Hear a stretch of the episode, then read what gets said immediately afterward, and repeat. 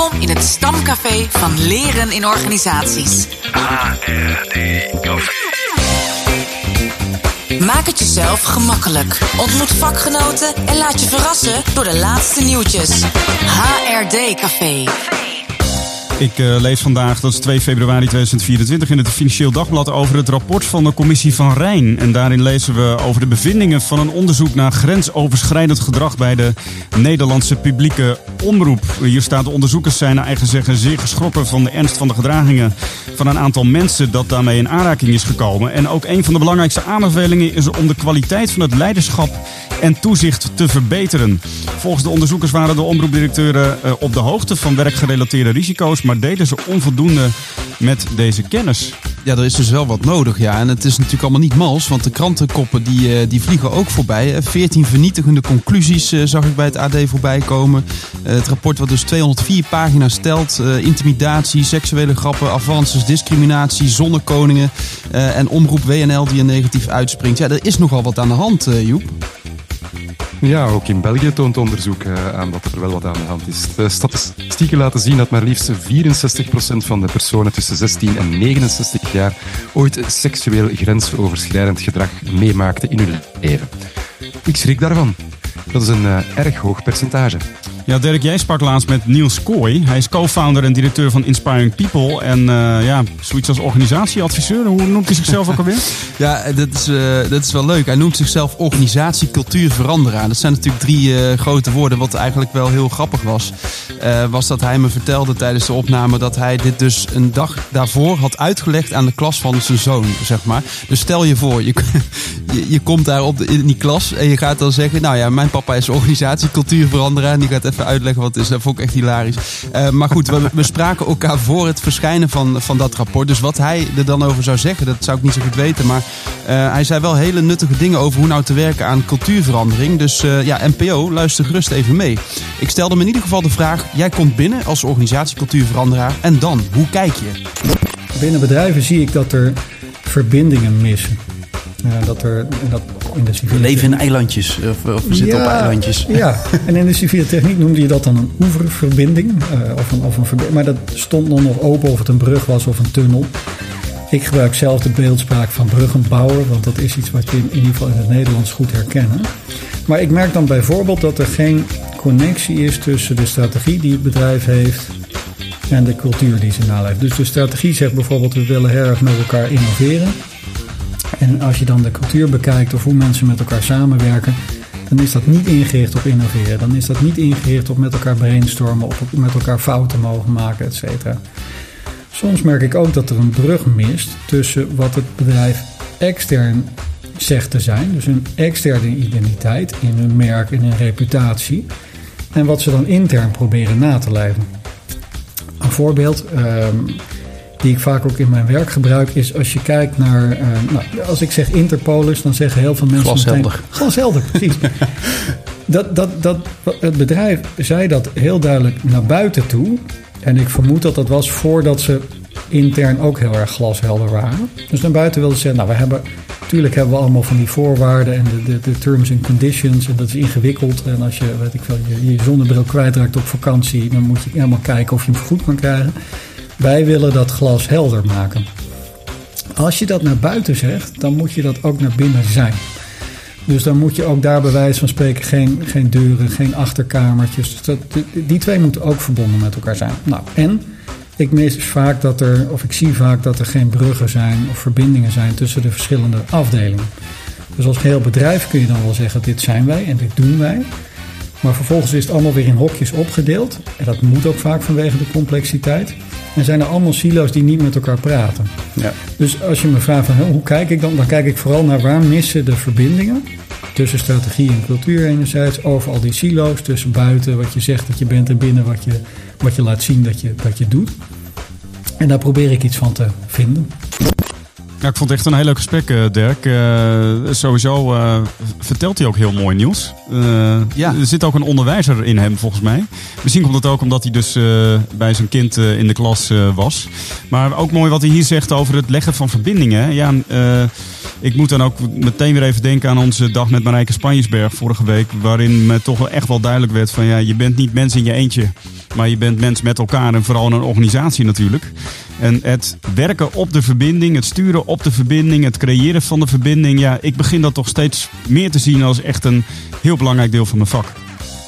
Ja, het is niet alleen uh, daar waar het verschil wordt gemaakt. Hè. Dus uh, je, je gaat eigenlijk die, door het werken aan die verbinding, door het met elkaar in gesprek uh, gaan, laat je die coherentie ontstaan waar dat hij het over heeft. Hè. Waarin dat je dus dat, die discrepantie die vandaag bestaat tussen strategie en dan die cultuur, ja. die ga je overbruggen door met elkaar het gesprek te gaan en er samen in te staan. Dus daar volg ik wel in. Nou, ik ben ook wel benieuwd als je dan kijkt naar hoe het nu bij de NPO, als er zo rapport ligt, dat uh, heeft natuurlijk ook heel veel impact. Uh, kan ik me voorstellen op alle mensen die er werken, et cetera. En ik kan me voorstellen dat je dan ook wel iets aan te kijken hebt uh, met elkaar. Want het is allemaal niet mals natuurlijk. Ja, maar ook daarin, hè. Dus ik heb gisteren best wel wat talkshows gekeken. Op de een of andere manier raakte het nog wel. Maar dan, je, het gaat meteen ook over mensen, hè. En ja. terecht, want, denk ik. Want er zijn mensen die hebben dingen niet goed gedaan.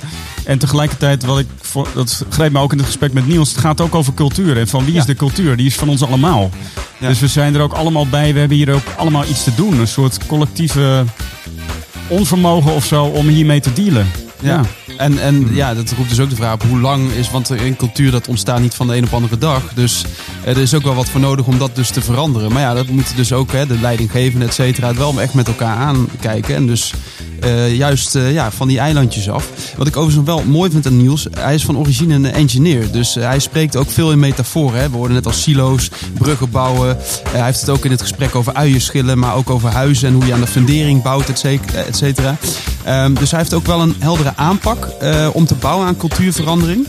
en dat bestaat uit vier stappen, namelijk definiëren. Dus wat is onze gewenste cultuur? Activeren, uh, het meten en het doorleven. Dus uh, nou, om maar naar de kern te gaan, met name dat laatste is een hardnekkige. Dus dat gaat dus echt over het verankeren van die nieuwe cultuur. Oké, hoe zorgen we er nu voor dat we dit institutionaliseren, dat we dit vasthouden?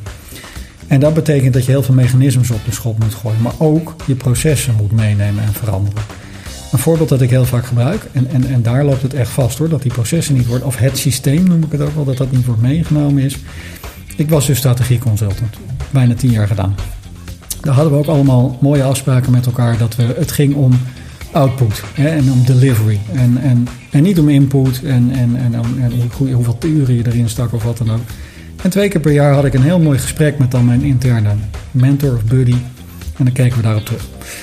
En dan kreeg je een bonus of niet of wat dan ook. Elke week had ik eigenlijk een gesprek met mijn projectmanager. Die als ik niet 40 uren schreef, van mij wilde weten waarom dat niet zo was. Elke week. Dus het proces waar ik in zat, dicteerde eigenlijk dat ik elke week ging nadenken over input. Ja. En twee keer per jaar over output. Dus wat wij zeiden tegen elkaar, was gewoon niet wat er gedaan werd. Dat was niet waar. Nou, en dat systeem dat eigenlijk mensen in staat stelt om iets te doen, om dus uh, uh, ja, de klant centraal te stellen, bijvoorbeeld. Als dat ook niet um, dat ondersteunt, ja, dan is alle moeite uh, voor niks. Nou, als onderwijskundige moet ik dan toch ook denken aan de rol van toetsing of examens. Hè? Dus uh, ze zeggen wel eens van als je de examens niet verandert, dan verandert het onderwijs ook niet. Oh ja? Want mensen zijn toch geneigd om, om te werken naar dat wat, uh, waar op ze getoetst worden. Wat, ja. uh, wat belangrijk is. En dat hoor ik hier Niels eigenlijk ook zeggen. We hadden het gesprek over input, terwijl het had moeten gaan over output. Ja. En als je het gesprek over input hebt, ja, dan uh, ga je dus sturen op input en niet op output. Ja. ja. Nou ja, hmm. iets wat we dan ook wel bezighoudt van als je op output stuurt, op resultaat sturen. Uh, ik moet altijd denken van je, het, het, belangrijkste is uiteindelijk volgens mij dat je op gedrag stuurt wat het grootst mogelijke kans heeft om de output te bereiken die je wil bereiken. Die kan zo op een tegel, hmm. denk ik, PJ.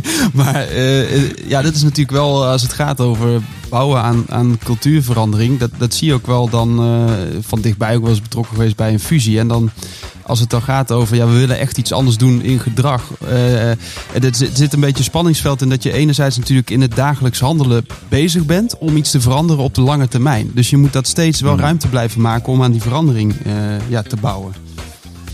Absoluut. En uh, ik zou willen zeggen, uh, tot slot en oprecht aangeraden. Beluister gewoon de hele terk van de podcast, want Niels die smijt met kennis over bouwen aan cultuurverandering. En als uitsmijter nog één van de vier tips die hij geeft aan jou als organisatie. Nee, ik denk dat heel belangrijk is, is dus vaststellen in wat voor situatie bevinden we ons als bedrijf eh, strategisch gezien? Zijn we eh, op dit moment, hebben we een cultuurstrategie nodig die zegt we gaan met elkaar transformeren? Zijn we aan het fuseren of komen er meerdere uh, culturen samen? Dat kan ook zijn, het is op zich geen fusie, maar dat we gewoon heel veel nieuwe mensen hebben binnengehaald. Um, of hebben we iets van onderhoud nodig? Zijn we onszelf een beetje kwijtgeraakt? Ik denk dat dat de eerste belangrijke stap is. Waarom? Omdat je dan goed met elkaar kan nadenken, ook, ook zelf zonder hulp van Niels. Hè? Als het een transformatie is, om het weer even terug te hebben over dat huis wat ik aan het bouwen was. Hè? Als het een transformatie is, dan moeten we misschien iets loslaten van wat in ons fundament zit. En moeten we iets meer uh, proberen uh, in het dak of op de zolder terecht te komen. Dus mogen we iets um, ambitieuzer worden in waar we elkaar op aanspreken, wat voor waarden we met elkaar hanteren, et cetera. Als het een fusie is, of als er heel veel nieuwe influx is van mensen, dan moet je eigenlijk meer nadenken: oké, okay, dit, dit, zijn allemaal verschillende mensen of twee verschillende bedrijven. Laten we vooral inzoomen op datgene wat, we, wat overeenkomt, maar waar we ook meer van willen hebben. Dus dan ja. zit je veel meer op de, het constructieniveau, zeg maar. Of is het iets, ja, we hebben onderhoud nodig. We zijn onszelf kwijtgeraakt naar corona of wat dan ook. Dan moet je veel meer focussen eigenlijk op je fundament. Dus wat zijn de waarden die we eigenlijk altijd al zagen? En we moeten ze nu misschien even afstoffen of even dat fundament weer blootleggen. Maar daar kunnen we op verder bouwen. Voor meer informatie kijk je op www.inspiringpeople.nl of uh, zoek Niels even op op LinkedIn. Uh, het is ook altijd heel gezellig om met Niels uh, koffie te drinken hier op Malibaan 45. volgens mij drinkt hij dan gemberthee. Ja, volgens mij wel. Ja, ja, ja klopt. Maar ja. goed, ik zou koffie pakken. Ah, ja. De, hele aflevering van de Dirk van de Polcast, die beluister je overigens in de Dirk van de Polcast op Spotify. Zo heel veel Dirk van de Pol. Dirk van de Polcast en ook op Apple Podcasts. HRD Café. Met Dirk van der Pol, Pieter Jan van Meijeraden en Annelies. Ja, Joep Schuurmans uh, is erbij en niet Annelies. Trending topics. Ja, twee weken op rij. Wat zijn de laatste nieuwtjes? Ja, Joep, ik heb mijn computer opgeruimd. Ik ben dus die jingle ben ik dus kwijt. Maar uh, ik moet dus even mijn, uh, mijn, mijn backup schrijven uh, in om... en ik had dat willen doen, maar het is weer niet gelukt. Heeft dus, hij eindelijk weer eens orde gemaakt in de chaos? Jongen, ja. jongen, jongen. Ja. Dus je ambitie is om er toch voor te zorgen dat binnen twee weken dat het dan in orde is. Ja, dan ben jij er weer. Laten we daarvoor gaan. Ja, en anders krijg je taart van mij. Ja. Uh, Jacqueline, okay, hou ik je er wel aan. Jazeker. Jacqueline Dijkstra die schrijft op LinkedIn over het VNVN-congres op 30 mei aanstaande in Amsterdam. Uh, samen het nieuwe leren en opleiden ontdekken en vormgeven, schrijft ze. Hoe inspireren en behouden we de zittende en de nieuwe generatie zorgprofessionals voor het vak? Een heel belangrijke vraag voor ja, het zorgpersoneel ook in Nederland, waarin we te maken hebben met de zogenaamde dubbele vergrijzing. VNVN presenteert een gevarieerd programma voor opleiders in de zorg. Uh, laat je batterijen op, schrijft ze, door zelf te ervaren en actief te leren. Op een mooi terrein dat ruimte geeft om te netwerken, te leren en met elkaar onder het genot van een hapje, drankje en ook een dansje. In de ochtend starten we met een, een werkelijke live radio-uitzending, zodat we je tijdens de reis naar Amsterdam alvast kunnen enthousiasmeren en inspireren. Naast live interviews is er ook de mogelijkheid om zelf vragen te stellen en uh, plaatjes aan te vragen natuurlijk. Een live radioshow. Wie gaat die verzorgen, PJ? Ja dat, ja, ja, ja, ja, dat kan niet anders. Het ziet eruit dat wij als HRD-café een mooie bijdrage daaraan gaan leveren. Dus uh, Joep, dat lijkt ons heel tof. Uh, HRD-café live vanaf het uh, VNVN-congres. Extra reden om je dus in te schrijven en te komen natuurlijk. Absoluut. Ik zal uh, eens proberen of ik de verplaatsing kan maken naar het uh, mooie Nederland. Dat zou leuk zijn. Zalig. Ben uh, Tigelaar die pleit daarnaast op LinkedIn en in zijn NRC-column voor meer teamleiders met kleinere teams. In heel veel organisaties de grootte van teams die teamleiders aansturen toegenomen. Dat is met name zichtbaar in de zorg, waar het uh, helemaal niet ongebruikelijk is dat teamleiders tot 50 medewerkers onder hun hoede hebben. En dat brengt vooral ontevredenheid en een hoger verloop met zich mee, stelt uh, Asja Ruffin vast in een recente overzichtsstudie. Maar wat is dan een uh, goede teamgrootte? Minder dan 10 teamleden is een goede vuistregel. Er zit alleen uh, één addertje onder het gras. In kleine teams is de invloed van de teamleider erg groot, zowel in positieve als in negatieve zin. Een slechte teamleider kan veel schade berokkenen en een goede teamleider kan een team vleugels geven.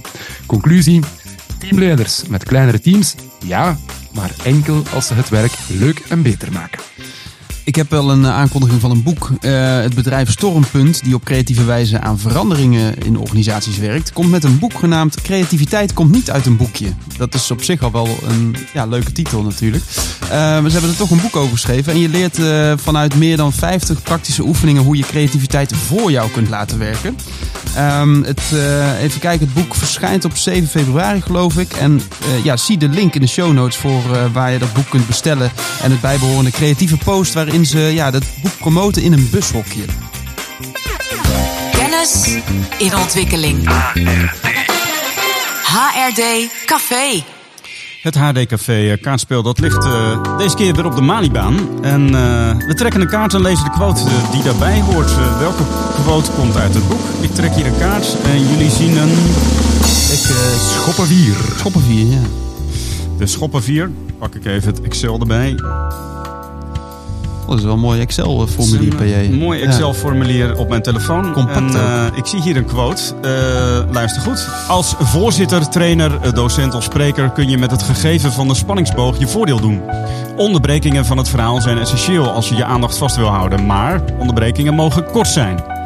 Wil je de onderbrekingen in je voordeel gebruiken, dan kun je mensen gedurende de break vragen om voor zichzelf de kern van het verhaal samen te vatten, vragen te bedenken of uit te wisselen met de buurman of buurvrouw over eigen ervaringen en toepassingsmogelijkheden.